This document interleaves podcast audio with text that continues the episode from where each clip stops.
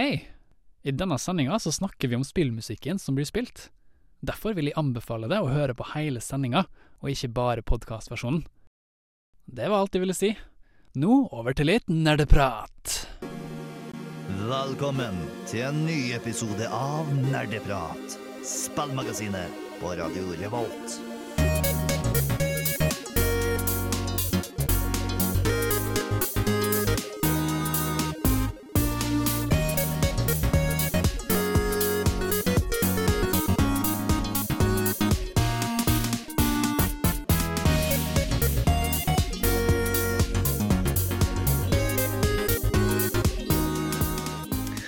Og velkommen alle sammen til nok en kjempehyggelig sending med dine faste nerdepratere. Eh, Vi har eh, nok eh, masse å fortelle i dag. Vi skal innom spillmusikk. Tommy, hva er egentlig undertitlene vi skal innom i dag? Nei, altså vi skal innom litt virkemidler i spillmusikk, altså hva det gjør for spillet. Eh, hva, slags, hva slags musikk har vært med på å skape gode minner for oss innenfor spillmusikk. Eh, vi skal se litt på hvordan, spill, eh, altså hvordan spillmusikk blir brukt gjentagende i spill. Altså hva slags type musikk blir brukt gjentagende. Litt chiptune skal vi innom, og litt grann, eh, ja hva, hva slags spillmusikk vi liker, da. Ja. Hva slags Vi, vi eh, liker. dette er et tema vi gleder oss veldig til å snakke Ja. mer om. Eh, Du skal få høre det, men også en gjest vi har med oss i studio. Du får han her om et øyeblikk. Det er ikke bare med Torben, eh, Anna og Tommy som er her. Vi har eh, en som heter Anders. Hei sann, Hei! eller takk for sist. Takk for sist. vi har jo vært på lufta sammen før, vi. Ja, spesielt årvåkne, nei, hva heter det, våkne lyttere vet sikkert at det er 517 dager siden sist jeg var med i Nerdeprat. Wow, du har oi, telt, faktisk. Jeg måtte nesten sjekke det på, på toget til Trondheim i dag, så, så gjorde jeg lang research for å finne ut hvor lenge det var siden sist. Og det var på E3-sendinga i fjor, på 16. juni. Ja, riktig, riktig. For hvor, eh, hvor er det du holder til i dag? Akkurat nå så bor jeg på Levanger. Du gjør det, ja. Ja. Så det er ikke så langt unna Trondheim egentlig, men du må jo planlegge litt for å komme deg hit. Hva er grunnen til at du er her i Trondheim, da, når du først sier det? Nei, jeg ble nå sparka fra jobben, og så forlot kona meg, og så går jeg rundt uten mål og mening. Men du Ja. har i hvert fall nerdeprat. Så jeg søkte tilbake til det eneste som er glad i meg fortsatt, tror jeg. Nei da, jeg er i Trondheim. Eh, bare, jeg har eh, hatt litt avspasering å ta av, og så tenkte jeg at OK, da, da tar jeg meg en tur til eh, Trondheim. Så jeg har uh, booka, rom hjemme hos eh, Tobias, som er med i blyforgiftning. Mm. Så jeg ligger og sover på sofa, eller jeg har ikke sovet der ennå, men jeg skal, skal sove der i natt i hvert fall. Ja. Eh, og så skal jeg være med på en spillfestival i Trondheim i helga, Hexcon. Som de driver med rollespill og brettspill og miniatyrspill og sånn. Mm. Skal du være med på de DND-oppleggene deres, eller? Jeg vet ikke helt hvor mye jeg tenker å være med ennå. Jeg har på en måte satt av søndagen til å være med på ei Warhammer-turnering. Mm. Eh, siden jeg er blitt voksen og begynt å leke meg med plastsoldater igjen. Eh, Som vi gjør. som man gjør når man blir voksen. Eh, ja. Utover det så tenkte jeg bare jeg skulle prøve å ha litt sånn throwback til hvordan det var å bo i Trondheim. Ja. Så kanskje det blir litt alternativ eh, underholdning utover kvelden. Ikke, ikke her på radioen, men sånn for min egen del i hvert fall. ja. Vi skal nå sørge for at du får det litt gøy eh, her og eh, hoppe i det. Åh, så bra.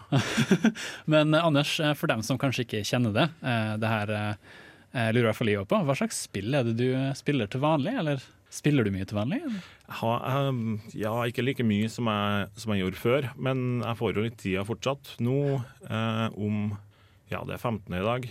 Ikke det? Jo, det er 15. i dag. Om, om fem dager så kommer jo Battlefield 5 ut. Mm. Eh, og hvis man vet, Hvis man hadde noe tilgang til noe Origin Access eller et eller annet, hvis man kasta mer penger på Red Dice og EA Games-folkene, så fikk man muligheten til å spille litt tidligere. Mm. Eh, men så var det noen som hadde en sånn ekstra invite, så jeg ble, fikk en sånn gratis eh, titimers prøve på Battlefield 5. Så i går kveld spilte jeg seks timer Battlefield 5.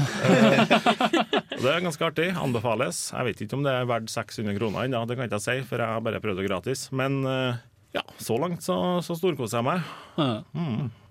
Siste, eh, når vi var på lufta, eh, så var jo ikke du Så er det jo noe som har skjedd siden sist. Det var noe stort som du gikk gjennom ganske nylig, som jeg kanskje har litt lyst til å nevne. Du har jo, du har Blitt jo omskjært. Ikke helt det jeg tenkte på. Nei, ok, Det er flere ting å ta av. Nei, jeg har gifta meg. Stemmer. Du har gifta deg? Ja, det har jeg gjort. Uh, gratulerer. Jo, takk. det ble litt rart akkurat. Jeg kjente jeg nå når jeg så blikket ditt her i studio, at det er sånn Oi, det visste ikke noe om jeg tenkte. Det er jo litt artig, fordi eh, når, eh, du ble jo tatt opp eh, sammen med to andre når du ble tatt opp i Nerdeprat. Det. Eh, og jeg husker når jeg leste beskrivelsen, jeg og Torben gikk litt over gamle beskrivelser på episodene, da. Så var det jo du og da nåværende Kristoffer og også Maren eh, som ble kjent som eh, Nei, nei, jeg, jeg og Anders og også Maren ble tatt opp samtidig. Ja, riktig. riktig. Eh, og dere hadde, fikk jo visse titler i beskrivelsen som beskrev dere. Eh, og jeg tror du ble vel beskrevet som et eh, nettroll. Ja, det, det, var, det var før uh, ordet nettroll hadde den uh, Ja. Jeg var litt nysgjerrig på hvorfor. det, det var vel for, fordi at jeg gjort, gjør et stor, stort poeng ut av at jeg syntes det var veldig artig Ja. å ha det artig på andre folk sin bekostning. uh, så, så det har ingenting med andre organisasjoner som Alt-Right og Men Going Their Own Way og alle de andre organisasjonene som jeg bare tilfeldigvis er tilknytta. Ja. Ja. Jeg tror det her skal bli en, en veldig morsom sending. Det er godt å få det med når vi skal snakke om spillmusikk. i hvert er Ja, godt å være tilbake. Uh, vi skal bevege oss inn i nyhetsdelen her, som Anders skal få lov å være med på. Uh, vi skal først uh, høre litt på Battle fra Xenoblade Chronicles eh, 2. Den er komponert av Yasunori Mitsuda. Den får du her på Nerdeprat. Nerdenytt. Hørte du Battle av Sunderblade Chronicles 2 DLC-en, som er viktig å huske. Eh, Det var en god del komponister, eh, så beklager hvis jeg sa det feil. Eh, Så vi beveger oss inn i nyhetsdelen her på Nerdeprat. Og Anna, what's new? What's new? Vi kan starte med en veldig trist nyhet for mange. Stan Lee, som mange kjenner som kanskje en av amerikanske tegneseriefigurers fedre, er død. Han ble 95 år gammel, døde på mandag i Los Angeles, uh, i sitt hjem. Og ja, jeg kjenner han i hvert fall mest som en som har vært med på å lage det vi i dag kjenner som Marvel-universet i eh, film. Men det startet jo med de gode gamle amerikanske tegneseriene. Og han var med på, kanskje ikke gullalderen, men i hvert fall i sølvalderen, å gjøre karakterer som Spiderman, Iron Man og flere store. Hvor eh, gammel sa du at han ble? Han ble 95 år gammel, og det er jo en anselig alder. Og han, han var jo ved sine fulle fem og alt fram til siste slutt, og gira over alle filmene som hadde blitt lagd, og alt han liksom fikk være med å se utvikle seg i, i Marvel-universet. Det skal jo sies at han eh, var jo syk, og det hadde jo kommet ut at han ikke var helt i 100% form nå de siste i hvert fall, ja, det siste året har vært litt sånn opp og ned. Ja, Ja, ja, sånn fysisk eh, helse. Ja. Ja. Eh, og så hadde det vært noe, han hadde krangla litt med noen advokater og litt sånt. Ja. Han, han var involvert i, i flere sånne ting, men Ja. folk har jo gått sammen og husket og hedret ham for alt Ja, han har gjort for amerikanske tegneserier og nå filmuniverset til Marvel. Ja, herregud. Uh, han har jo vært med Han har jo satt seg sjøl inn i alle Marvel-filmene. Ja, måte. for jeg skulle si det som jeg kjenner til han mest, det er jo som de cameoene som du ser i hver eneste Marvel-film, fra Iron Man til Deadpool, ikke sant? Hva slags uh, cameos er det snakk om? Jeg er, ikke, jeg er ikke så kjent med superheltfilmer, dessverre. Det er at du eh, som regel ser et noen sekunders langt klipp hvor det er en eldre herremann som sier et eller annet eller gjør noe i bakgrunnen, eller eh, Mm. dukker opp. da. For eksempel, jeg husker veldig godt i en av de gamle Hulken-filmene, eh, hvor for eksempel de viser hvordan han fyren Jeg husker ikke hva han heter, han som er Hulken i, i filmen, men hvordan han, han ble infisert av dette gamma-strålingsgreiene. Og så ser du på en måte at uh, Stan Lee er der og blir infisert av det samme greiene på en eller annen måte, litt sånn tilfeldig ved siden i et klipp. Uh, og mange sånne små ting. For eksempel eh, på et eller annet klipp så står han og snakker med masse damer mens det kjemper uh, folk i bakgrunnen. Og Det var litt sånn kjapt hvor de bare penner over til han og så går videre, på en måte. Som gir folk en liten, liten sånn humring, da. Ja, spesielt sånn som i Spiderman Homecoming, hvor han da plutselig eh, Hvor han står ute av et vindu og snakker til en annen dame fordi eh, ja, Peter Parker klarer, eller Spiderman klarer å slå av en bilalarm. Eh, så det er ganske fantastisk. Mm. Eh, det er bare Ja. Eh, og det er noe folk har vært eh, Eller satt spøkt om siden første filmen. er at å, Snart så kommer vi bare til å se In Memory of Stan Lee på slutten av ends-creditsene, og det, det blir nok på neste film. Det blir vel blir det den siste Infinity War? eh, Ja, den andre. Hvis det er den neste. Ja, ja. Jeg er faktisk usikker på hvilken som Det, er- det er så Captain mange Marvel blir Marvel-filmer. det kanskje. Ja, det Captain blir det. Marvel! Mm. Ja, så da kommer man til å se navnet hans og tenke dæven, han har vært med på å skape noe stort. Ikke bare han, men han var jo så sentral. Tror du det er sånn mulighet for at de plutselig bare legger inn et bilde av Stanley i stedet? eller et eller annet? Sånn, de bare eller en plakat av Stanley eller et eller CGI annet sånt. Stanley. Ja, ja, et eller annet. Har du noe forhold til eh, Marvel eller Stanley, eh, Anders? Det er hovedsakelig, hovedsakelig filmene. Mm. Uh, men, men nå kom det opp et forslag her om CGI uh, Stanley. Ja, Litt sånn som i de siste Star Wars-filmene. Så hadde det vært kjempeartig om han fortsatte å være med. Ja, Jeg hadde det. ja. Men over til neste nyhet. Pikachu. Alle her kjenner til Pikachu. Og Pikachu skal få seg en egen film, og ikke bare en tegnefilm. En uh, spillefilm med animerte Pokémon. Uh, det har kommet ut en ny trailer uh, nå nettopp, og denne filmen kommer til å hete Detective Pikachu. Altså Detektiv Pikachu. Eh, kan gi en liten synopsis av eh, hva det vil handle om. Tim Goodman, spilt av Justice Smith, er en annenrangs Pokémon-trener og sønn av den kjente detektiven Harry Goodman. Når faren forsvinner i et bilkrasj, drar Tim til Rhyme City og ender opp med å møte detektiv Pikachu, som altså var Harrys tidligere Pokémon-partner. Tim, som på en eller annen måte klarer å forstå Pikachu, aner ikke hvordan, eh, blir litt motvillig dratt med inn i å lete etter Harry og avdekke mysteriet som, som omspinner denne forsvinnelsen. Og eh, det viktige å ta fram her er at eh, Pikachu vil spilles eh, av ingen eh, ringere enn eh, Ryan Reynolds. Altså han vil gi stemmen til Pikachu, for Pikachu vil jo være animert. Det, det var han Deadpool-fyren, sant? Oh, ja. Han er kjent fra Ja, Deadpool, blant Riktig, annet. riktig. Så det var veldig merkelig, eh, litt Uncanny Valley å se den traileren, fordi de er veldig virkelighetsnære animert. Og så hører Ryan Reynolds som Pikachu. Det var en merkelig kombinasjon. Men jeg liker det faktisk. Det her er jo, eh, de har fått hjelp av en som eh, er vant til å tegne realistiske Pokémon. En som heter RG Palmer, Ja. eh, som har eh, lenge tegnet realistiske Pokémon eh, på nettet, og som sikkert mange av dere har sett òg. Som veldig realistiske Charizards og sånne ting, eh, hvor de ser ut som faktiske dyr, på en måte. Mm. så det er veldig kult at de har tatt- dratt inspirasjon fra det, og at det faktisk funker. Du ser jo et kort klipp i traileren hvor en Charizard holder på å sluke Pikachu på en måte, før de penner videre til noe annet. Uh, så det er spennende å se hvordan det går. Jeg har ikke sett traileren. Oh. burde se. Og yeah. dere der ute som ikke har sett den, se den.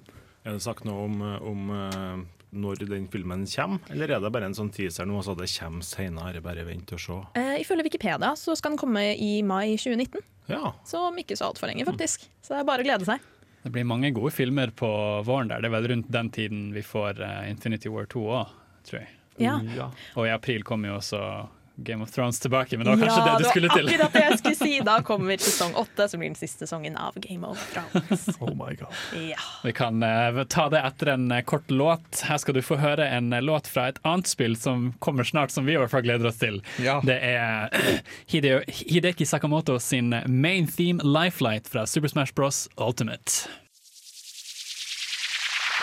Eh, Vi er fortsatt på nyhetsdelen vår her på Nerdeprat, eh, og vi geeket så kort over eh, Game of Thrones-finalen som snart kommer.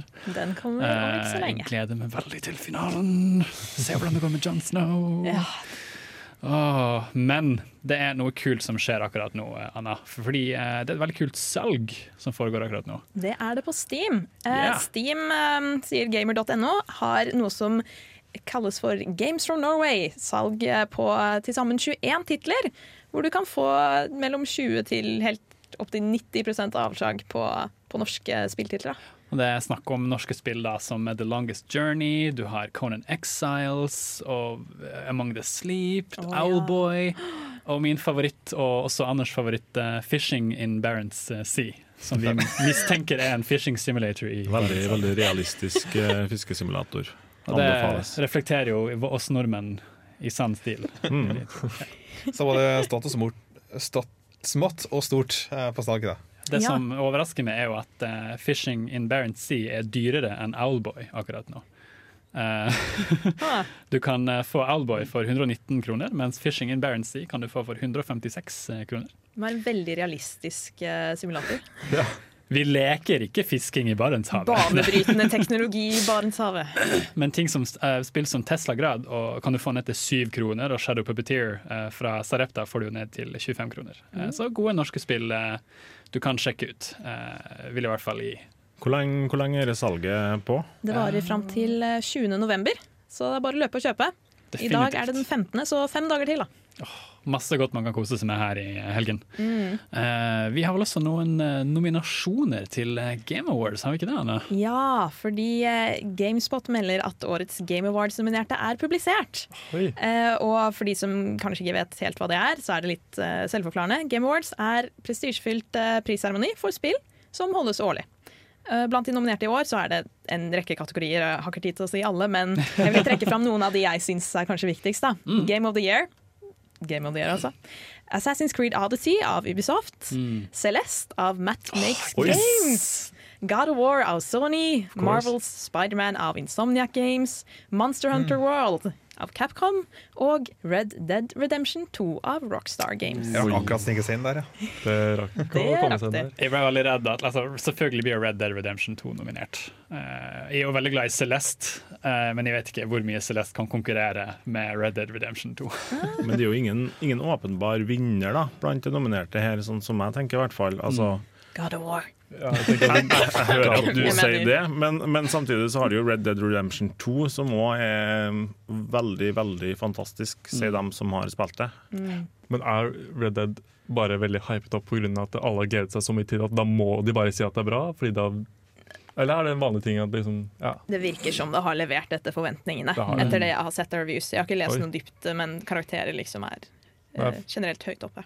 Ja, Det er jo mer i den sandkassestilen som alle de som har spilt GTA så lenge nå, har elsket. Og Skyrim og- altså. og, Skyrim og så lignende. Eh, og det er jo, altså, de solgte jo så ufattelig mye, fant vi ut eh, på Ja. første uken her. Eh, neste kategori er jo veldig relevant for denne sendingen. Det er beste lydspor. Oh. Der har vi blant de nominerte Celeste. Ja! Eh, komponert av Lina Rain, ja. God of War av Bear McRary. God of War. Marvel Spiderman, John Passano. Nino Kuni 2 av Joe Hisaishi. Octopath Traveler, Yasunori Nishiki. Beklager, jeg klarer ikke å uttale det. Og så for Red uh, Dead Redemption 2 Nei! igjen. Red Dead Jackson. Redemption kan stikke av, så du ble provosert her. Eh, Eh, du, har du spilt Octopath Traveler, Torben? Du, Jeg har bare sett andre spillere.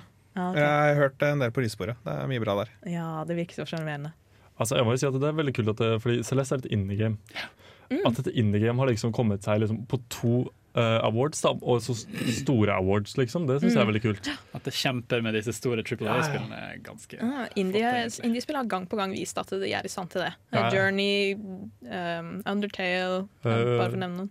Hadde vel også i fjor så var vel uh, Cupheads. Ja, de, De vant jo faktisk eh, Art, tror jeg. Ja, Var det Art? det, Ja.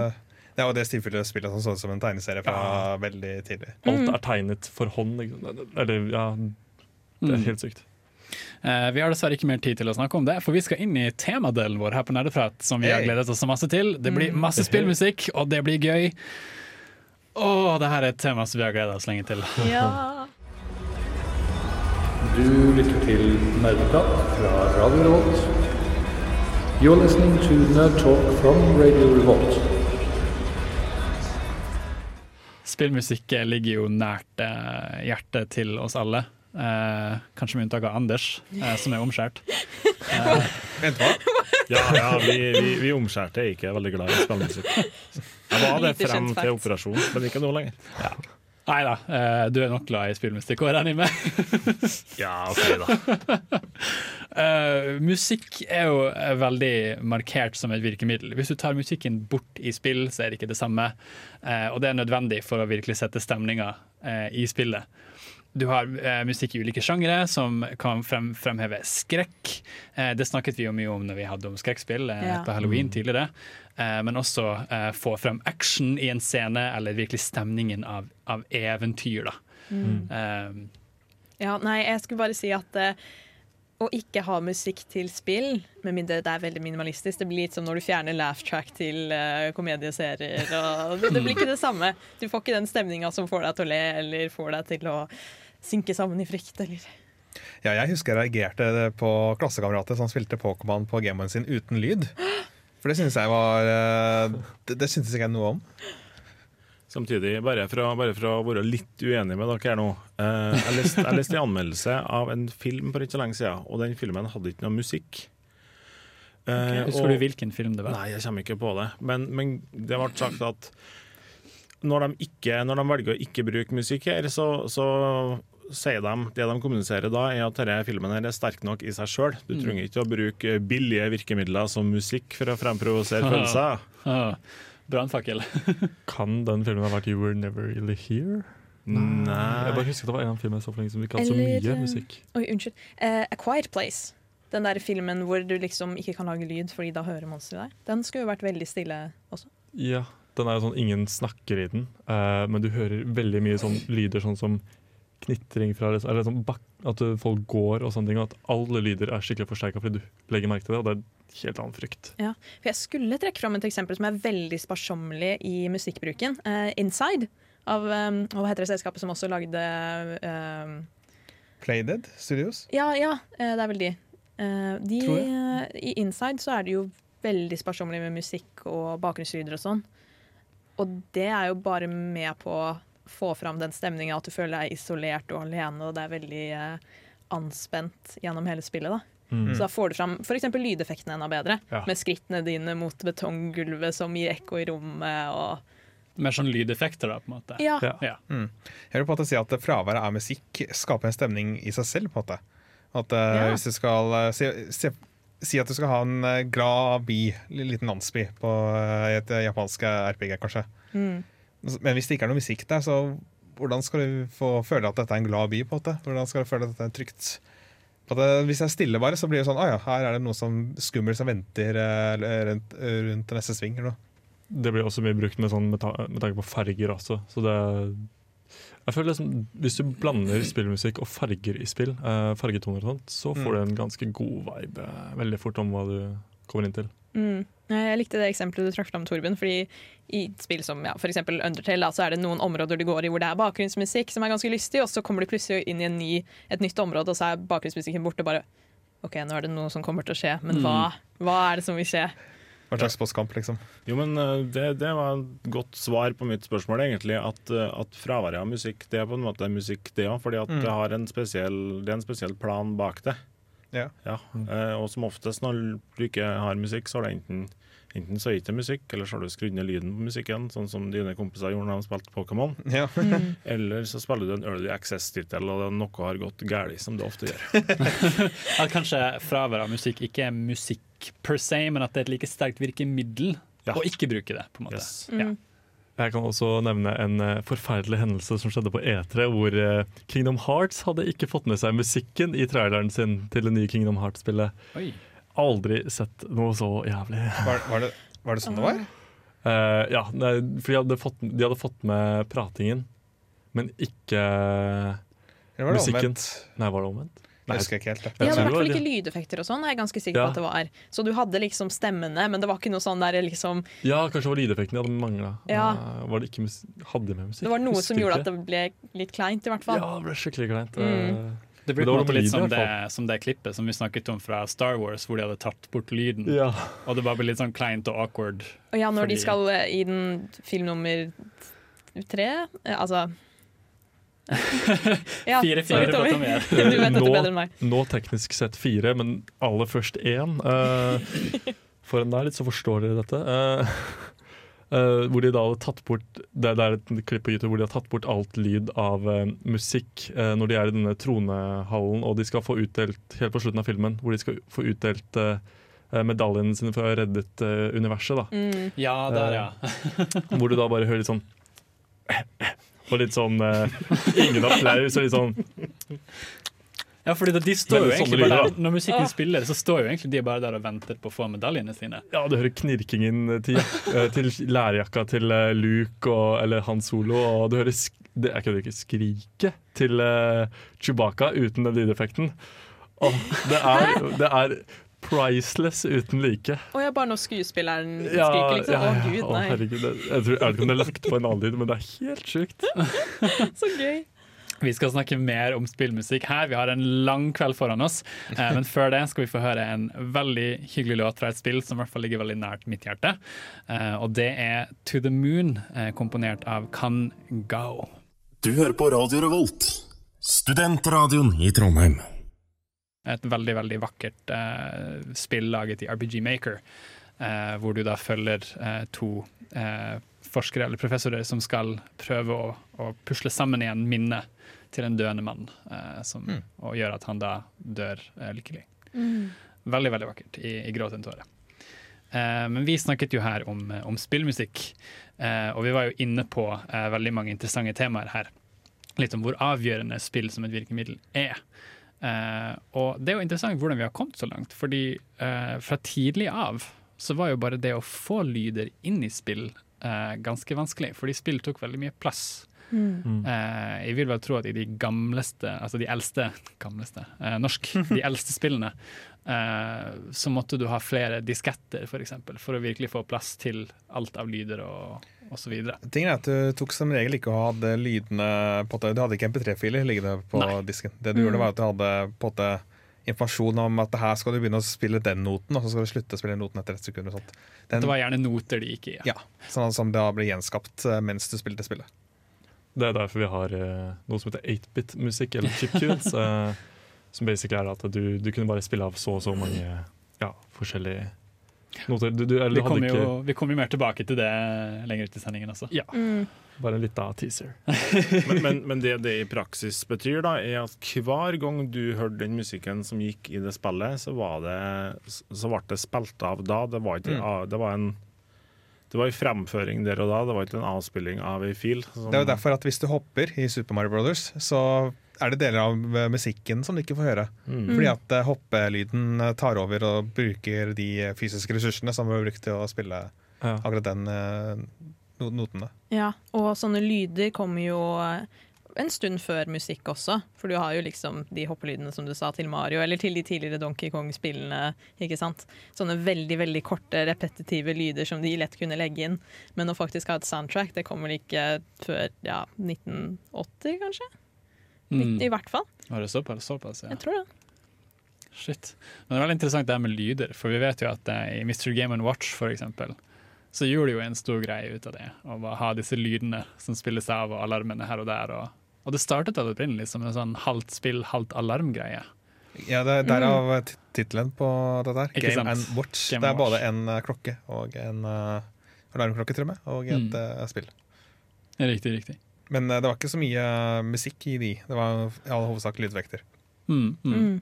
Jeg husker veldig godt i, i Pokémon-spillene, når vi snakker dette med begrensninger. Eh, eh, denne alarmen som slår ut eh, når du får lite liv, i hvert fall i første spillet, eh, så overkjører den alt annet av musikk. eh, I hvert fall ganske mye, sånn som level up-lyden og sånne ting. Den blir helt overkjørt. Og speedrunnere bruker faktisk dette til sin fordel når de skal speedrunne spill, fordi da går liksom okay. dialogen mye raskere i kampene. Det er liksom det de kaller for red bar strategy, da, som er veldig risikabelt, da, fordi du er jo veldig nær å dø, Ah. forståelig nok. Overkjører den helt, eller bytter den egentlig theme i uh, Når Ja. du har eh, rød, rød, rødt liv, kalte jeg Det det. er vel kun i Pokémon uh, Black and White at du har faktisk bytter til et tema, som er for, det Ja. røde, for den røde musikken. Mens her så er det snakk om at de spiller av den lydeffekten, og så er det ikke noe plass hvor den kan spille av notene for musikken. Ok, Mm. jeg var litt usikker på For det er på det. der begrensa antall eh, noter de kan kjøre samtidig. Ja, Er det forresten gjort en kåring på hva som er den mest irriterende lyden når man har lav helse i et spill? Jeg tror Nintendo kommer til å være ganske godt representert. Har du noen eksempler, Anders? Nei, det er jo den eh, i, i Zelda og Carina of Time. tar du den dun, dun. Eh, Hvordan, hvordan går den lyden Ja, der? Det er sånn- den er Et eller annet. Ja, Ja. ja. Det er i hvert fall, Den, den stopper ikke. altså den, den tenker ikke at OK, nå har du gått rundt med lavt liv i 20 minutter. Du har sikkert ikke fått med deg at du har lavt liv. For den er jo veldig høy også. ja, Den skjærende høy, faktisk. Mm. Så jeg nominerer den, da, hvis du begynner å ta Ja. Super Galaxy er også ganske fæl egentlig. Mm. Ja, apropos nominasjoner, ikke sånne forferdelige lyder, men jeg tenkte sånn tidlig soundtrack. Det må jo være Tetris-soundtracket. Mm. Og det er vel er det, det er litt chiptune som vi snakket om, og vi skal komme tilbake til også? Eller det er blir det mer basert- Og eh, Tetris-låta er jo faktisk basert på en uh, russisk folkemelodi. ja, Ja. ja, så den er ikke liksom helt original, men at de faktisk hadde den med i spillet, var jo på den tiden Det var, det var ikke så vanlig fortsatt. Og det er jo ikonisk i dag. Mm, definitivt. Ja. Ja, bare du nevnte uh, bare du nevnte Tetris, så fikk jeg, jeg fikk den sangen på hjernen med en gang. liksom. Jeg, jeg hører den skikkelig godt. Jeg har også hørt at uh, i disse dager har kommet til et spill som heter Tetris-effekt. Og det har jeg hørt veldig mye bra om, så jeg har lyst lyst til å teste ut det. Oi, Og det skal visstnok kombinere, gjøre veldig mye dynamisk med musikken og sånt. Å, kult! Hvis du. Sånn at det endrer seg litt mens du spiller og sånn. Mm. Basert på hva Det skal være veldig sånn sensorisk, holdt på å si. At det, du Ja, veldig oppslukende overlevelse. da. Det skal bli det Ah. beste spillet å ta LSD til Johan ever. Kanskje. Mm. Ja, ja, det har jo en egen eh, side hvor du kan sjekke det ut. Tetriseffect.game, for de som har lyst til å sjekke hva dette handler om. Det ser utrolig kult ut. Åh, så kult. Jeg lurer liksom på hvordan de, de klarte å Fordi i, i dag, sant, når du er vant til eh, spill som faktisk har de orkestremusikkene i bakgrunnen og, Mm. og sånne ting, hvordan klarte folk å være OK med å ikke ha eh, slik musikk i spillene? Du vet ikke hva de gikk glipp av. Samtidig, så når det er så enkelt, så er det på en måte veldig lite fordommer også. på en måte. Det er veldig sånn eh, objektivt på et vis. Du, du bruker veldig mye kreativiteten din Ja. til å forestille deg hva den musikken skal, er. da. Mm. Som dere kanskje høres ut i bakgrunnen her, så skal vi få høre litt Undertale-musikk av eh, Rush, eh, komponert av Rush Garcia her. Her skal du få en orkestrert versjon av Hopes and Dreams. Du hører på Nerdprat, spillmagasinet på Radio Revolt. Radio Revolt! Veldig, veldig vakker og fantastisk musikk fra Undertale. Ja. Eh, Originalt komponert av Toby Fox, er det ikke? Det er det. Ja. Selvfølgelig vel, vel viktig å nevne. Eh, vi skal nå inn på det som heter leitmotifs, og Ja. litt eh, situasjonsbetinget musikk. Eh, jeg var ikke helt opplyst på hva leitmotivs var. Er det noen som har lyst til å slenge ut en god definisjon der? Eh, Jeg vet ikke om det, du får skolebokdefinisjon av meg, men det handler om at du har på noen temaer som går igjen. Mm. Kanskje at de er bakt inn i melodien og sånt på mange forskjellige steder i spillet. Og at de gjerne bærer med seg noen konsentrasjoner. Et veldig typisk eksempel er hvis du tenker Star Wars da, fra filmverdenen.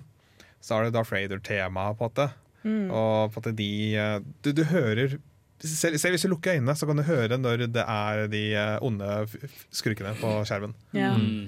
Eh, Det første jeg tenkte på når vi snakket om leitmotivs først, det var i det nyeste God of War-spillet. Da har du at Kratos ofte når han er i en scene, så blir han litt sånn medfulgt av den du, du, du Ganske svakt, liksom, men du hører at den er der. Og det er jo fra en av ho eh, hovedtemasangene.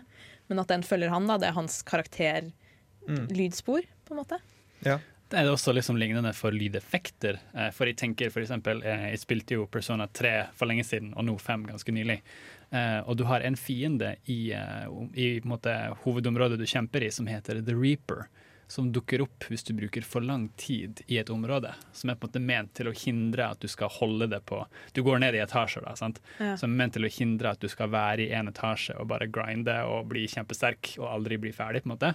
Så er han der for å liksom komme frem etter hvert og pushe det til å gå videre. Og han er supersterk, og du kan liksom ikke ta han før på slutten av spillet. Men når han dukker opp i området, så hører du klirring av uh, lenker, sant.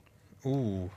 Eh, som da sender frysninger nedover min eh, rygg, i hvert fall. Mm. Eh, og det var veldig effektivt på meg som litt yngre når jeg spilte Persona 3. Eh, Det minner meg veldig om da jeg var yngre og spilte det første Jack and Daxter-spillet. For da er det også sånn, Du har noen mekanismer som skal hindre deg fra å svømme ut i havet, for, eksempel, for du kan bare gå oh, så og så langt. Så med en gang du kommer i på en viss dybde, så hører du sånn durt, durt, durt, lyd, så er det sånn svær fisk som kommer og skal ta deg. Jeg ble bare også betinget til at med en gang jeg hørte lyden, så bare nope, OK, jeg har gått for langt. Tilbake til, tilbake til land. Ja, nei, jeg husker den lyden sykt godt. For du, du hører også selve fisken. Ja, ja, ja. Du hører Du hører eller et eller noe sånt. Ja, ja, ja. at du ser skyggen også komme. på Ja, en måte. det, du ser Du skyggen komme ser den oppover av svømme mot vannet. deg, og så Oh, klarer du akkurat å komme deg unna. Og hvis du ikke kommer unna, så er det litt sånn oh shit. Eh, Eh, Men apropos sånne type ting, så tenker jeg også på musikk som, som på en måte bytter til en annen versjon. Eksempel i, uh, i Legend of Zelda og Corina of Time også, og, Ja. og lignende, så har de jo Ipona-låten. Uh, som på en måte, nei, Ipona-låten sier de. Når du er i Hyrule Field og går, så er det en annen melodi enn når du rir på Ipona, som da er Ja. hesten din, og rir rundt i feltet. For da det mye mer upbeat og mye mer liksom, trøkk i den. ja. Eh, lignende også i Super Mario eh, World, hvor du rir på Yoshi, så får du disse tamba-trommene. Ja. Ja, for det er liksom to forskjellige måter å ha dynamisk musikk på. Mm. Det ene er at eh, du på en måte bygger lag, at du fader inn laget med trommene, pungetrommene når eh, du rir opp Yoshi. Mens uh, Ocarina of Time så er det mange på en måte Instrumentene legges ikke til så mye, sånt, men det er at du har forskjellige seksjoner med musikk. Som eh, så switcher det mellom seksjonene sånn eh, så, så det er på at hvis han det, det limer på en måte sammen en, eh, et spor ut ut fra Ja. mange små biter. Ut ifra, du har kanskje en bit som er når det er en fiende i nærheten, og så når du har slått den, så limer den, eh, hekter den på en bit som er for litt mer sånn rolig. Mm. Mm. Eh, en jeg vil trekke fram siden vi nettopp hørte musikk fra Undertale, det er jo Toby Fox. Han er en mester på å gjenbruke lydspor og til, sette sammen til ulike situasjoner og ulike eh, tracks og sånn. Eh, for eksempel så har du en lyd som spiller i en del av spillet som er veldig eh, sakket ned. Da. Når du spiller den eh, raskere, så hører du at oi, det her er jo temaet til denne andre karakteren som du møter på et helt annet sted i spillet. Men det visste du ikke hvis du ikke hadde satt dem inn i et lydspillprogram og, og spilte raskere. Satte opp hastigheten. Så å kunne bruke musikk til en sånn type virkemiddel, det, det syns jeg er så imponerende. I Super Mario 3 og 1 og 2 og 4 og 14 og sikkert alle sammen. Når du har dårlig tida igjen, så øker Ja. jo hastigheten på musikken. Det er vel ganske situasjonsbetinga, eller har jeg Definitivt. fullstendig misforstått nå? Du er med. Yes! Du er med. Så jeg vil bruke det som eksempel, da. Absolutt. Og du blir jo ganske stressa når du hører, når du vet at Ja. shit, jeg har mindre enn et minutt igjen. Mm. Uh, for da teller jo musikken ned fra jeg vet ikke hvor mye, om det er fem eller tre minutter, uh, eller mer kanskje. Så 99 sekunder eller sånn, da det Ja. begynner å gå ned? Ja, der, ja. Mm. Uh, jeg husker også Shadow of the Colossus er jo også et veldig godt eksempel her. fordi når du kjemper Ja. mot disse store kolossene, uh, så endrer jo musikken seg ut ifra hvor langt du er i kampen. Eh, Om du på en måte ikke har vekket Colosseum, at han er langt unna, så er det litt mer sånn eh, skummel stemningsmusikk. Mens hvis du faktisk er der og har fått oppmerksomheten hans, så begynner musikken å slå inn. Og når du er oppå ryggen, der du kan skade den, så hører du den heltemodige musikken hvor liksom alt står på spill, og du henger fast i monsteret og holder på å bli kastet av og alt mulig. Ja. Og det er også et veldig variert lydspor til Shadow of the Colossus. At du har, jeg tror hvert tema er forskjellig til hver av de kolossene. Og det er jo hvor mange er det? 18, 17-18 eller noe? Mm. Forskjellig. Kanskje mer enn det. Og alle er like bra, nesten, vil jeg si. Et eh, fantastisk eh, spill for den tiden det kom ut på, vil jeg si. Eh, vi skal få litt eh, Ori and the Blind Forest her på Nerdprat. Her skal du få Gareth Coker med Light of Nibel.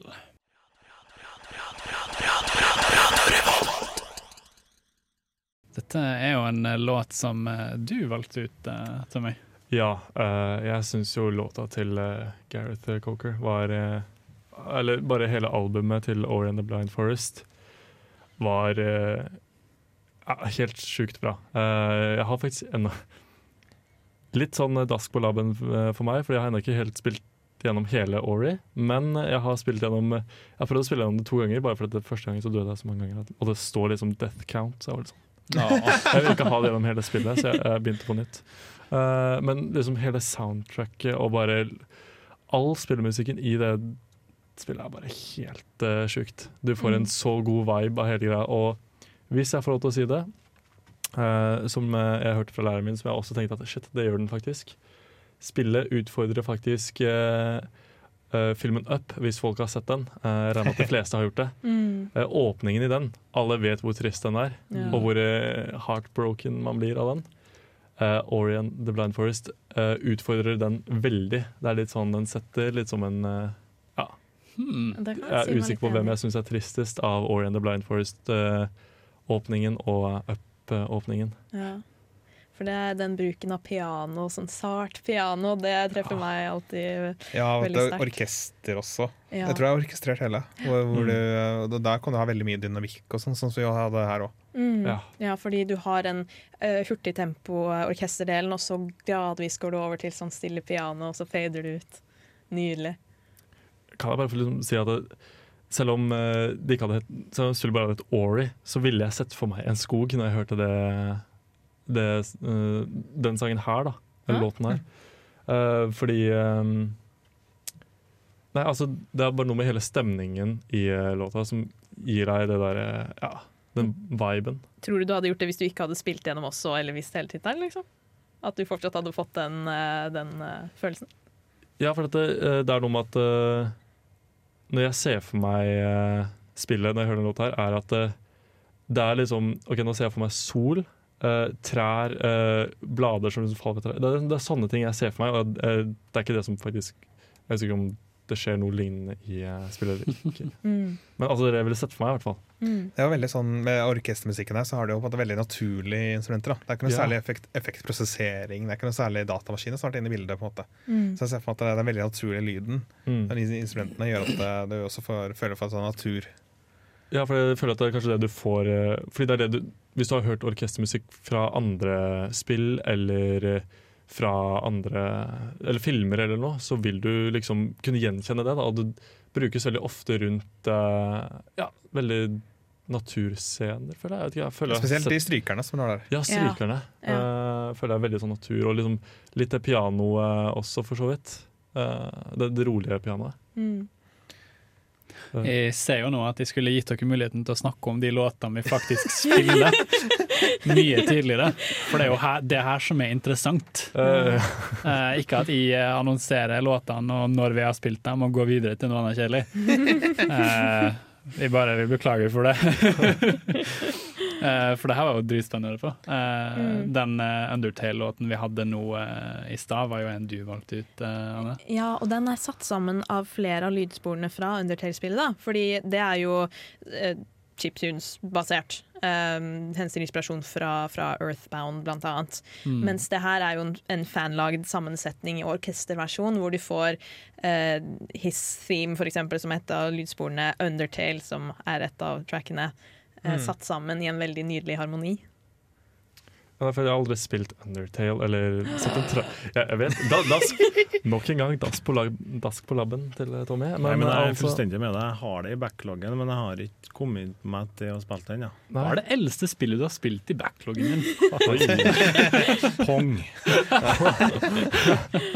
Eh, nei, men det, når jeg hørte det soundtracket her, så var det veldig eh, Jeg fikk litt den der eh, viben av at det er en mørk skog. Er det det i det hele tatt? Du har litt i bakgrunnen. Litt i bakgrunnen. Litt i bakgrunnen. Jo, eller det er et punkt du går gjennom skogen, min. det har ikke noe med de trackene her å gjøre. Det- Skog er ikke så Skal jeg ta en sånn mellomparti og si at jeg ikke spilte, men jeg har sett masse speedruns av det. Du må ta deg tid til å høre på musikken og få til deg stemningen. De gjør jo det når de gjør speedruns. Får De får det jo speedruns. alt. Jo, Ja, men, nei, men det er ikke det samme. Da er de ikke flinke nok på speedrun. Nei. Det går ikke kjapt nok. Eh, men um, jeg skulle si, i lydspor så har du jo ofte kanskje et instrument som representerer en av karakterene. Da. Jeg ville trekke fram, jeg, jeg nevnte God of War i stad. Um, spoiler. Konen hans som har dødd, altså ikke den forrige, men den nye, um, har et, et lydspor som er akkompagnert av mye fiolin, sånn sart alenefiolin, som spiller igjen når det er liksom stunder hvor de husker henne. da. Uh, og jeg syns det er veldig vakkert å ha liksom, at den, et instrument representerer hennes tilstedeværelse, selv om hun ikke er der fysisk. Så er det liksom minnet om henne og sånn. Og det er litt kult, da, fordi da kommer du også på det at musikk representerer en følelse. Ja. Veldig, veldig sterkt. Mm. I det samme i Divinity 2 Original Sin, som er et rollespill laga av jeg lurer på om de er fra en Belgia, Larian Studios. Ja. Når du lager karakteren din der, det er litt sånn baller skate-ish eh, rollespill, så får du også lov til å velge hvilket instrument er det som skal være på musikken til karakteren din. Og Da kan du velge mellom fløyte og harpe og sikkert oh, kult. gitar og Så, så det er ikke som i Skyrim at liksom, ja, du kan bli på The College of Bards og spille et instrument. Du får aldri spille et instrument. Nei, du, du, bare, du bare har det sånn eh, som bakgrunnsmusikk. Altså, Ja. Det er jo samme melodien hele tida, men det er forskjellige instrumenter som spiller, da, avhengig av hva du velger av instrument for karakteren. tenker jeg Det hørtes jo veldig sånn DND ut. Eh, for veldig mange bards eh, som nevnt her, og andre klasser og sånn, starter jo med musikkinstrumenter. Mm. Eh, veldig rollespill-heavy ting å, å starte med. Ja. Er det noe kort vi har gått glipp av fra det, Torben, som du har hatt lyst til å påpeke angående musikken vi har spilt så langt? Ikke, nå husker jeg ikke helt hva jeg har spilt, men For det uh, var litt sånn main theme fra Lifelight der, Xenoblade, som ja, vi vet hadde du er veldig Silver glad i. Chronicles uh, deres scene. Jeg har ikke spilt spillene, men jeg, jeg har sett alle spillene og så har jeg lytta på soundtracken. Og, s- og Silver Chronicles 2 og The Descendants har fantastisk musikk. Jeg anbefaler å sjekke ut hele. Vi skal høre litt mer etterpå. Ja, jeg, jeg føler det er veldig vanlig. Hvis du spiller spill, så kan du oppdage lydspor selv om du ikke har spilt akkurat det spillet. Så kan du bli veldig glad i, i soundtracket uansett. Det er veldig vanlig for meg, i hvert fall. Jeg har for eksempel øh, ikke spilt Assassin's Creed, men jeg liker veldig godt lydsporet til Assassin's Creed 2, for eksempel. Å ja, det er flott. Eh, nei, altså det er faktisk veldig morsomt, fordi jeg hørte på lydsporet til uh, Eller albumet til eh, Horizon Zero Dawn og Ori før jeg spilte spillet. Ah. Mm. Jeg har også hørt en del eh, eh, soundtrack for eksempel, av Jake Coffman, som er min favorittartist.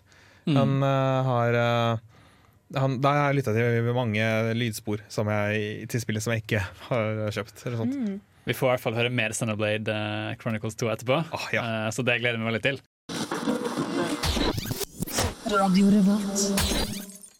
Der eh, hørte du uh, Aloys uh, theme fra uh, Joris Demand og Unreal Superhero 3 fra Rez. Eh, to låter lagt inn av eh, Anna og Tommy her, eh, hvis ikke jeg bommer helt. Uh, Tommy. To uh, låter lagt inn av Tommy. Ja, To låter lagt inn av Tommy, ja, men det, det er greit. Al- Al- Aloys eh, tema det var fra Horizon Zero Dawn, var det ikke? Eh, jo. Mm. Det er riktig, riktig.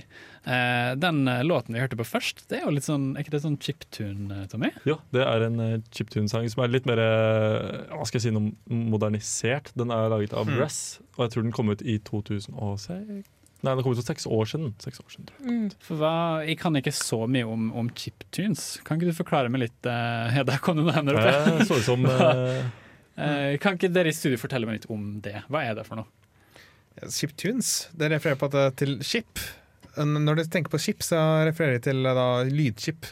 For det, er det som vi var inne på i stad, var Ikke, at ikke gode chips du kan spise. Eller Nei. kornet i Jeg snakker jo om da, jeg snakker liksom en fysisk komponent i f.eks. den første Nintendo-maskina. Mm. eh, som eh, produserte lyd ved at eh, den ble bedt om å lage disse frekvensene eh, så høyt og sånn. Mm. Sånn at uh, Leap Ship Tunes er på en måte basert på disse konsollene som var sånn dedikerte maskinvare til å generere lyden. Ja. Og i dag så blir det jo litt anerkjent som sånn vintage-lyd, fordi det eh, er assosiert med de tidligste konsollene eller PC-ene eller arkademaskinene. da. De Ja. lydene du kunne finne i, i de spillmaskinene. Er det på en måte her du finner begrepene 8-bit og 16-bit og, og sånne ting? Ja. Ja. Uh, det er vel hovedsakelig 8-bit, eller tar jeg feil nå? Eller er 16-bit? 16-bit kan også inkludere, og det kan jo, ja. det kan jo være sånn Det trenger jo ikke å kunne kjøre på en konsoll, liksom. Du skal jo kalle det chiptune. Mm. Chiptune er en litt spesiell situasjon at det er både en slags sjanger, som har sine sjangerkjennetegn og Mm. typiske ting man eh, gjør, Mm. samtidig som det også er en type musikk, i den forstand at eh, det er eh, det som kan kjøre på f.eks. Nintendo Entertainment System eller eh, med Sega Genesis eller eh, hva det er. Mm. Kanskje noe du har mer forhold til enn en meg, Anders? eh, med tanke på aldersforskjellen? Åh, åh. Jeg hadde veldig lyst til å si det når du sa seks år siden. Da tenkte jeg å si ja, det var det året Chris Monsen ble født. si. Men uh, jeg, jeg, holdt, jeg holdt meg for god for det. For de som ikke er Altså, Chris Monsen er litt eldre nerdeprater, da, for de som er nye her i, i vår fanbase. Men fortsatt yngre enn Anders. Ja. Men, det er godt å vite at du, at du hevet det over det, da. Jeg gjorde, prøvde, prøvde jo å gjøre det. Men, men uh, chiptunes som musikksjanger syns jeg er ganske spennende. Mm. Uh, og litt sånn se på utbredelser. Hvor er det, hvor er det chiptunes-artistene kommer ifra? Ja. Uh, og på lik linje med møbler og prosessert eh, kjøtt i sirkler eller i kuleform, så er jo svenskene òg mye bedre på chipmusikk enn oss nordmenn. Mye mer representert, iallfall. Og ja, Ja, nei, for at uh, den sangen, eh, som, den låta som ble spilt av nå uh, Ops, kommer til mikrofonen. Ja, Gikk litt nærme. Uh, nei, Eh, den er jo Artisten eh, la jo ut den her på Soundcloud, tror jeg. Mm. Det, eller jeg fant jo låta opprinnelig på YouTube, men eh, etter litt leiting så fant jeg ut eh, hvem som var artisten, fordi det tok jo evig tid å finne ut det, fordi ingen gikk gir creds. Ja. Det er chiptune, så bruker de mye Soundcloud, eh, og også Bandcamp. er Ja, ganske populært, tror jeg. Og det er veldig vanlig at man ikke tar seg veldig mye betalt for det. det kan ofte så kan du velge å laste det ned gratis uten å gi noe til artisten. Mm. Sånn at eh, det er- chiptune-miljøet er eh, sånn Såpass, da. Ja, På Bandcamp så har de vel eh, altså pay what you want, betal hva du vil, så lenge det er over syv dollar, tror jeg vel er den nedre grensa. Sånn at de faktisk skal få penger for Ja, det. du trenger ikke det, faktisk. Du kan, eh, artister kan sette null, okay, Ok, null da, grense. da er det kanskje bare det jeg har kjøpt, for jeg har kjøpt både fra Undertale og Deltarune eh, der. Ja. Men hvis du ikke har noe forhold til chiptunes-sjangeren, er det noen artister vi kan trekke fram som på en måte folk kanskje har hørt om før? Eh, Det første jeg tenkte på der, var jo liksom Scott Pilgrim med The Game-soundtracket. Han og Managuchi? ja, Namanaguchi, ja. Mm. Eh, De er jo eh, Det var veldig kult at de tok tak i de faktisk til å lage soundtracket til det spillet, for det passet så bra. Eh, For de, for de som da kjenner til eh, Scott Pilgrim-filmen og bøkene, da, så kan jo det være verdt å sjekke ut, om du ikke har gjort det allerede. Det er også et spill som veldig mange sikkert har et forhold til. Shovel Knight. Ja! det er jo chiptune i høyeste grad. Det er jo faktisk laga sånn at det kunne spilt på en uh, NES. Mm. Hvis du hadde hatt et ekstra tillegg på den. Ja. Jeg tenkte på Disaster Piece, han som annet har lagd soundtrack til Fez, uh, Hyperlight Drifter og sånn. Han baserer seg mye på chiptune, selv om han eksperimenterer. da. I Hyperlight Drifter kan du finne pianomusikk, f.eks. Mm. Men han lager alltid veldig flotte soundtrack som er verdt å sjekke ut på Bandcap, f.eks. Det var ikke noe forslag eh, du, Tommy? Det her er jo på en måte litt eh, ditt forte jeg fikk i for meg. Oi, øh, ja, nei, altså Jeg er jo Jeg er skikkelig flink på å finne låter og høre på låtene, men jeg er veldig dårlig på å huske artisten. Altså. Jeg er veldig dårlig på å huske artisters navn. Det må jeg innrømme. Hvis man har litt tid å slå i hjel, så, så har jeg lyst til å anbefale eh, eh, eller Ninja Moped som det nå heter, eh, på, på YouTube. For de har gjort eh, De, har, de kjører sånn 8-bit-grafikk med stop motion med Lego, samtidig som de spiller 8-bit-musikk over det. Å, kult! Jeg kan også anbefale Kubi. Er faktisk en norsk uh, chiptune-artist. Kommer fra Sørlandet, tror jeg. Så han eh, har uh, laget ganske eh, hva skal jeg si, avansert chiptune. da. Mm. Det jeg kan anbefale da, det er å søke opp uh, f.eks. hvis det er noen uh, poplåter eller noen uh, låter generelt du liker. uh, søke opp eh, låtnavn, og så eh, putte inn eh, 8-bit-versjon eh, eller chiptune-versjon. Så Ja. får du en ganske kul Så er det veldig mange som lager eh, da en chiptune-versjon. da. Det er ganske kult. Og det kan være en gledelig overraskelse. Ikke Det- bestandig. Ja, Det nei, det kan-. Det er Riktig å påpeke at det kan være en gledelig opplevelse. Det er veldig sant. Mm. Det er riktig, riktig. Jeg skal si også utenfor spillverden, da, eh, sånn som det nevnte nå, men litt mer offisielt lagd. Adventure Time. Oi. Det er et variert soundtrack der, men de baserer seg ofte overraskende mye på chiptunes. Så eh, hvis man ikke har sett det, skal man sjekke ut soundtrack i hvert fall. Og få seg en gledelig overraskelse. Det er kult. Og hvis man googler chiptunes, så sier man at artisten Kesha med låta TikTok inneholder chiptunes-elementer. Og med det så rusler vi videre med litt symfoni. Her får du Aria de Meso Caratere. Der fikk du høre en orchestral eh, fra Final Fantasy 6, stemmer ikke det, Anna? Det stemmer. Som heter Aria di Mezzo Caratere. Og der slaktet de sikkert eh, navnet på den eh, låten. Av Svenske Symfoniorkesteret. Men det som er så kult, er at den er jo ikke opprinnelig en symfoniorkesterlåt. Det er jo chiptune-basert. Men nå har de altså Score, som er et omreisende mm, symfoniprosjekt hvor de spiller spillmusikk og sånn. De har nå konvertert den da til, til skikkelig orkesterfanfare med opera i tillegg. Ja, for dette var jo egentlig på Super Nintendoen. Så Ja. hadde på det, du hadde orkester Du kunne høre hva du skulle forestille. Du hadde, På mange måter, Men eh, det, var, det var ikke noen stemmer. Det var bare en sånn sang, generisk sangstemme. Da. ja, det var vel sånn pianolåter som liksom skulle representere stemmen. Her har du eh, Sabina Sveiaker, som hun eh, heter, eh, som synger helt fantastisk. Mm, Eh, mm. Jeg, jeg hørte faktisk denne her live da Trondheim Symfoniorkester spilte med Score da, eh, i fjor, i, i 2017. Og det var helt fantastisk. Så nydelig. Jeg elsker den låta. Veldig lei meg for at de ikke gjorde noe i år. Eh, jeg vet ikke om de skal noe neste år, men jeg har ikke sjekket. Men det er noe jeg har lyst til å oppleve, i hvert fall. Det høres veldig kult ut. Ja. Det har vel brukt å vært sånn annethvert år. eh, Ja, riktig. Så Det gir kanskje mening. ja, eller jeg tror det var tre år på rad, faktisk. Og så var det ikke i år, men så håper jeg at det kommer i 2019. Men uh, så, folkens så vi vet ikke. Nei, Nei, vi vet ikke. hvem vet? Men folkens, musikk som vi sjøl har et forhold til, apropos sjanger, eh, Mumble rap eh, ble jo nevnt her så vidt i pausen eh, av Anders. Det var mest en spøk. Men det er en sjanger du har et forhold til? eh, Nei da. Uh, musikksjanger som vi har et forhold til sjøl, med tanke på spill. da. Eh, jeg vet at sjøl så er jeg veldig Jeg, jeg husker når jeg drev og spilte inn uh, musikk nå til denne sendinga her, så var det, gikk det veldig mye litt sånn trist, tragisk musikk. Sånn uh, To The Moon, ikke sant, og litt sånn Fire Emblem, uh, triste låter, og generelt uh, Near-låter og sånne ting. Vi fikk ikke brukt ned halvparten av det vi spilte inn engang. Så vi har i hvert fall spilt inn nok musikk uh, fremover på lang tid. Jeg skal si, Går det bra, Tem? Nei, eh, som gutt så er jeg veldig sensitiv. Eh, nei da. Eh, jeg tror det er bare at jeg, jeg, jeg røres veldig lett av måte, den emosjonelle eh, hva jeg skal si, beskjeden som ligger i de låtene. Da. Og gjerne når du har spilt spillene og faktisk opplevd eh, det emosjonelle øyeblikket i spillet, så blir du veldig revet med. Eh, for eksempel det jeg nevnte fra Fire Emblem her. Eh, det er jo et øyeblikk i spillet hvor eh, Spoiler alert. Eh, hvor eh, søstera til hovedkarakteren dør. Og du er nødt til å kjempe mot eh, fiendene, da. Men de, vil ikke kjempe mer, dem heller. Det har nådd et punkt i krigen hvor begge sidene ikke vil kjempe mer. Men de må gjøre det, fordi eh, fiendene dine vet at hvis de eh, legger ned sverdene sine nå, så vil lederen deres eh, ta det utover familien deres.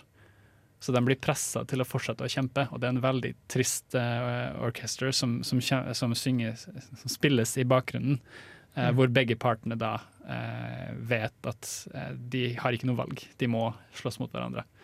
Mens det regner og er tragisk, og, og han ene hovedkarakteren er forbanna fordi søstera hans nettopp har dødd, og, og du går rundt og slakter og critter alle. og Et veldig emosjonelt øyeblikk i spillet, for meg i hvert fall. Ja. Så det er noe, noe jeg har et forhold til. Da. Det er sånn trist, tragisk musikk, fordi jeg liker den emosjonelle eh, baggagen som kommer med. Når vi nå snakker om sånn dataspill, eh, spill, generelt, så kommer jeg til å tenke på at eh, du har på en måte det du kan kalle en slags dataspill- eller spillmusikksjanger. I den forstand kanskje da aller mest når det kommer til sånn fra Japan og sånt. Hvor, hvor musikken og melodien på en måte står i sentrum. Og det er på at de, De er ikke redde for å vise seg fram, liksom. Her er det musikk og stil til 100 og liksom eh, gjør, gjør, gjør, godt, gjør poeng ut av seg. Jeg føler Det er litt den type musikk jeg eh, tiltrekkes av. Uh, ikke så mye musikk som går i bakgrunnen mens andre snakker, men det er musikken som uh, på måte snakker uh, selv. Så da, det er veldig mye japanske soundtracker jeg har merket til, men også litt David Wise, eksempel. Han Mm. som er laga for Donkey Kong Country, eh, også Tropical Free, eh, Freeze, det nye. Mm. Ja, Så du liker uh, lydspor hvor de på en måte er en karakter i seg selv, da? Eller lydspor er det? Det er Ikke nødvendigvis at det trenger å være en karakter, men at det, det er på måte Nei, men i det- det tar- overført betydning, liksom. Ja, det tar så mye Det tar oppmerksomheten inn, da. Ja. Uh, jeg derimot er litt mer fan av uh, den der litt sånn kraftige musikken, uh, hvor du får en skikkelig god vibe, sånn som Horizon Zero Dawn, uh, Aloys theme. Den er, det er sånn midt i blinken meg. Eh, Jeg spiller en del multiplierspill, så, så som, ofte, som oftest når jeg foretrekker Eller når jeg ikke velger å slå av musikken, jeg må bare si sånn, så er det for, for at musikken er veldig behagelig og veldig jevn i bakgrunnen hele tida. Ja. Fordi jeg syns det er veldig dumt hvis musikken overdøver f.eks. Uh, at du hører noen som kommer og går på venstre eller høyre side av deg, og sånn, for at du bruker en del lydeffekter for å få en oversikt uten at du trenger å se det på skjermen. Så når musikken da overdøver det, så velger jeg bare å slå av musikken. Ja, riktig, riktig. For League of Legends har eksempel en ganske greit, greit lydspor, har det ikke? Eh, Jeg har ikke spilt Jeg, jeg, jeg begynte å spille League of Legends igjen nå for et par dager siden, eh, men musikken har vært avslått i fem år. vi skal kjapt tilbake på det, men før det skal du få litt Where We Used To Be med Xenoblade Chronicles 2 her på Nerdeprat. Yasunori Mitsuda med Where We Used To Be. Spillmusikk fra Xenoblade Chronicles 2 fikk du høre der. Ja, ta det som mer rolig slaget. Eh, det er jo ingen tvil at dette er spillmusikk som du har et veldig godt forhold til, eh, Torben. Ja, nå, nå mangler jeg bare å kjøpe spillet og spille gjennom det, så, så jeg kan oppleve det. Men eh, ja, det er Eneren har jeg sett Let's Play av, faktisk. Eh, og fått med meg mye av musikken eh, der. Som er, eh, men jeg føler toeren er på en måte mye mer av musikken som jeg digger fra eneren, på en måte. Det er, du har både en rolig og sånn som det her, men så har du også mye av det rocka og helt det ville. Som jeg liker veldig godt. Er det stor forskjell fra eneren og toeren? Fordi jeg har på en måte bare sett eh, eneren, hvor du har, er det ikke der du har Shulk? Ja. Og så toeren er det der du har uh, disse Jeg, jeg tenker, de, de hadde veldig mange sånne jenter med veldig store bryster, og litt for mange av de, En, tror jeg. Silver Chronicles 2 gikk i en veldig manga-retning, kan du Ja. si. Fra en som var forholdsvis eh, lite det, det, det var ikke så opp i ansiktet, kan du si da. Nei. Nei, jeg bare Mente du for mange jenter med store bryster, eller for mange bryster? Det er et veldig godt spørsmål, Hva er dette for noe? føler vi ikke trenger å gå så langt lenger på akkurat den diskusjonen. uh, men, men i hvert fall at musikken i dette spillet hører de og er fantastisk. Eh, er Ja. dette musikken Hvor hører du denne musikken som vi hørte her? Jeg tror den er på tittelskjermen eh, når du nærmer deg slutten av eventyret. og sånt. Mm, Så det er eh, litt, litt, ganske mot slutten, tror jeg. riktig, riktig. Så har jeg ett uh, lydspor til senere i sendinga, som er mer den uh, bombastiske delen. av Uh, Vent og se. Jeg er veldig interessert i å høre mer om uh, hva slags forhold dere andre har til musikk. Tommy? Apropos eh, mer, mer eh, Hva var det du kalte den? Uh, Bombastisk. nei, uh, det du akkurat sa. Uh, Forhold du er til spillemusikk? spillmusikk? Ja, apropos forholdet til spillemusikk. spillmusikk. Ja. Jeg fikk helt jernteppe. Jeg beklager. Eh, nei, eh, jeg skulle inn på det. Eh, fordi mitt forhold til spillmusikk startet når jeg spilte Fire Emblem 2000-versjon. Jeg husker ikke. På Game Advance. Fire. Emblem, nei. Fire- Ikke Fire Emblem 7 som kom ut her i Europa. Uh, jo, det heter bare Fire Emblem. Ja, for det er den med Ellywood Hector. Ja, ja, Ellywood Hector, er, den kjenner jeg godt til. Og det har et kjæreste i, hjertet. Oh, me too, man. Me too. Uh, der kunne du faktisk gå inn og høre på uh, eh, Mm. musikk og, som du hadde collect Ja, det er sånn Soundroom, heter det. Soundroom, og, Mm. og du måtte faktisk ha hørt de i spillet for å kunne høre de der, men da kunne du gå inn og høre på de igjen, og det var eh, oh. Jeg likte veldig godt med det at du fikk også se ma mange av bildene som Ja. vistes i cutscenene i spillet. De kom igjen og liksom rullerte sakte i bakgrunnen når du hørte gjennom disse låtene. Det var så kult. Vi har jo snakka veldig mye om musikk, eh, spillmusikk nå, men jeg, jeg har veldig lyst til å dra den litt i en annen retning. Eh, For i Metal Gear Solid 5 så kan du flyge inn i et helikopter. Eh, og, Det er sant. Og det helikopteret kan du bestemme sjøl hvilken musikk det skal spille. Oi. Altså, Ja. så du kan, du kan dra over i MP3-fil fra den skumle, gamle download-folderen din og legge den der.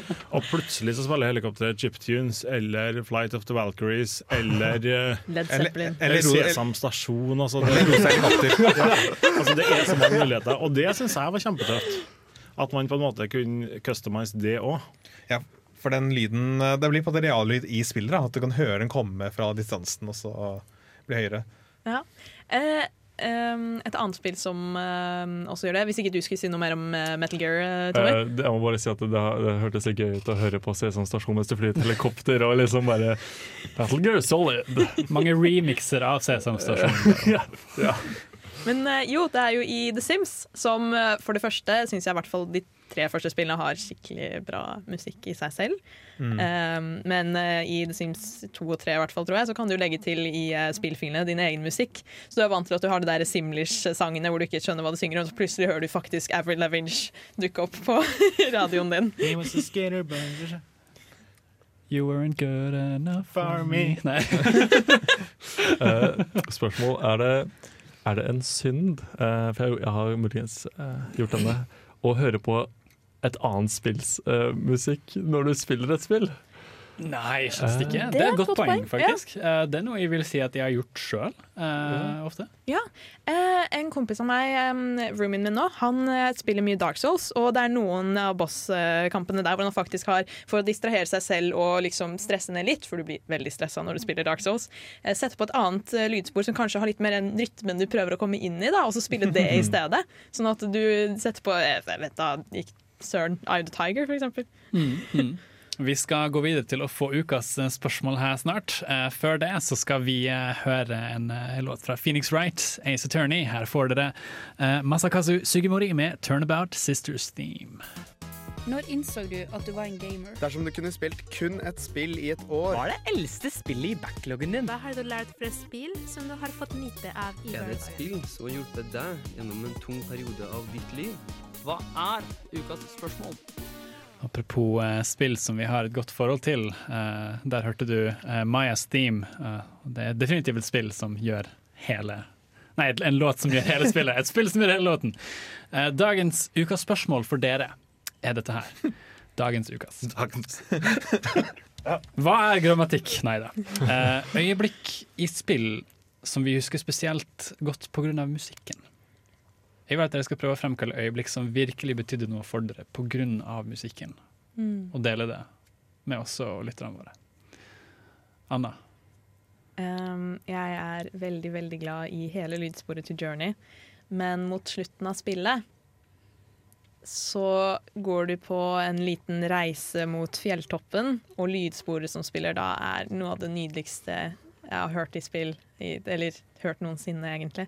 Og det som er så fint med det, er at det, det tilpasser seg tempoet ditt, da, for du kan eh, stoppe opp litt og utforske, selv om det ikke er så mye å utforske. Og så roer musikken seg ned, men hvis du vil ha hele siste, den siste låta eh, glidende liksom gjennom eh, spillet, så, så, er det veldig godt tilpasset at du bare flyr liksom opp mot fjelltoppen.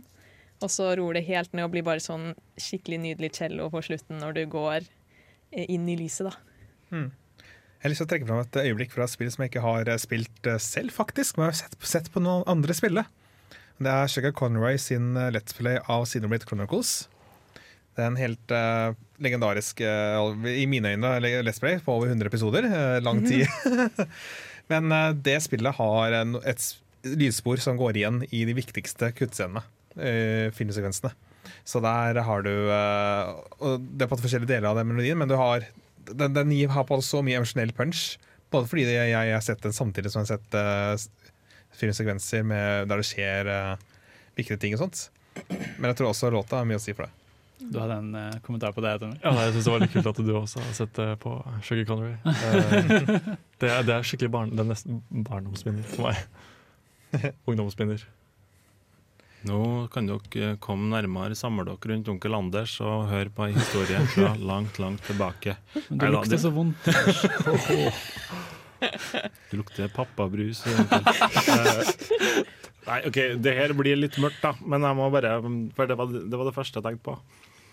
Og musikken i seg sjøl er ikke så veldig viktig, men det er hva musikken gjorde med meg. Eh, for vi skal tilbake til 1994 ca. Lillehammer hadde OL. Anders satt foran TV-en og spilte Super Mario 3 og kommet til level 8, altså siste verden. Bane 3, tror jeg, og så hadde jeg ett liv igjen. Eh, og jeg har aldri runda Super Mario 3 ennå. Enda, sier jeg, for det var jo kjempelett. Eh, men jeg fant ut at OK, jeg har ett liv igjen, dette får jeg ikke til likevel. Så jeg for den nærmeste kvikksanda og bare slengte Mario oppi. Og så tenkte jeg ja ja, jeg får bare ta sjølmord. Jeg hadde ikke det begrepet da, men det var noe, tydeligvis det jeg tenkte. Så jeg kasta den oppi der kvikksanda, og så bare så jeg den synke i myra. Og så snudde jeg meg bort fra TV-en og skulle gå og finne på noe annet. Men det kom aldri en sånn lyd av at Mario døde idet jeg snudde meg. Musikken fortsatte å gå, så jeg snudde meg igjen og så på TV-en, og så så jeg at det var jo en sånn hemmelig greie ned den kvikksanda. Så kom man til en hemmelig plass med ekstraliv og sånn. Eh, så, så, så, at musikken fortsatte, fikk meg til å snu meg, for jeg forventa å høre dødshylet til Super Mario. Men det skjedde jo aldri. Og det er historien om hvordan jeg fikk motivasjon til å runde Super Mario 3. wow, så kult! Det er, litt, det er faktisk veldig kult. How to find secrets. Jeg syns det er veldig greit at dere trossa frykten for kroppslukta mi og hørte på denne historien. Alltids, Anders. Alltids. Uh, uh, ja, du hadde for så vidt uh, delt ditt øyeblikk, Tommy? Ja, det bare et litt kort øyeblikk. Det var uh, når jeg først bestemte meg for å plukke opp Horizon Zero Dawn, mm. som var nå i høst. Uh, selv om jeg hadde hørt soundtracket utallige ganger. Men det å se den der scenen når Aloy trener seg opp til å kunne være med denne ah, ja, uh, testen, da. Mm. Uh, for å bli medlem av klubben, håper jeg. Mm. og bare musikken da, bare oh, Det var med lydkanslerne, headset og alt bare frelst.